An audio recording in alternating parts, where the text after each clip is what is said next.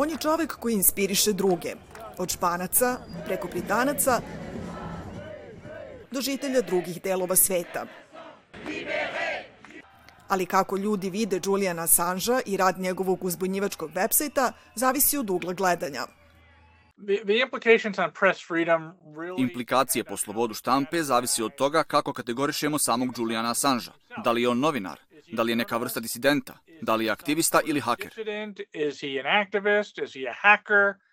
Aktivisti za slobodu štampe, međutim, kažu da stvari nisu tako jednostavne. Nije važno šta ko misli, Julian Assange jeste novinar.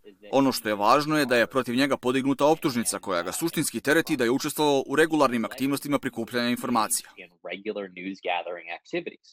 A ako se sudi zbog prikupljanja informacija, dodaje Tim, jasno je šta je sve ulog na tom suđenju. Ako bude proglašen krivim, ako se podrže stavovi tužilaštva, to znači da će sve stvari koje novinari rade svakodnevno postati kriminalizovane. Bushmaster 7, Roger. This is Bushmaster 7, Roger, engage.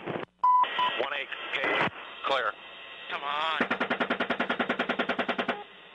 Međutim, ponavljeno objavljivanje američkih klasifikovanih informacija i videosnimaka, kao što je ovaj iz Iraka, razbesnilo je najviše američke obaveštene zvaničnike, koji su Wikileaksu i Assangeu dali jasnu oznaku 2017. godine. Vrijeme je da se Wikileaks nazove pravim imenom, kao nedržavna, neprijateljska obaveštajna služba koju često pomažu državni akteri kao što je Rusija. Bivši obaveštajni zvaničnici dodaju da postoji veliki kontrast između novinarstva i Assangeovih aktivnosti. On nije samo pasivno primao informaciju od uzbunjivača, nije se sastajao sa nekim u mračnom čošku nekog bara, postavljajući pitanja i dobijajući odgovore ili dolazeći do nekih dokumenta. Zapravo je radio sa tim pojedincima, obučavao ih i pružao im alatke koje su koristili da bi upali u državne sisteme, a zatim prikupili ogromnu količinu informacija. Slučaj Sjedinjenih država protiv Assangea se fokusira upravo na to – Tvrdeći da je Assange sarađivao sa drugima na razbijanju šifara, pokušavao da pomogne onima koji su odavali vladine podatke da izbjegnu agencije za sprovođenje zakona, dok su nesmotreno ugrožavani životi disidenata i aktivista za ljudska prava. Ipak, za neke, slučaj protiv Assange je sve osim crno-belog.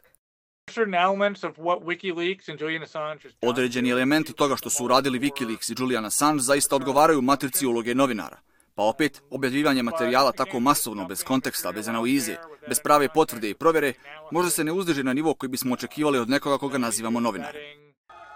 Suđenje Julianu Assangeu sada je još jedan polarizujući slučaj u polarizovanom svetu.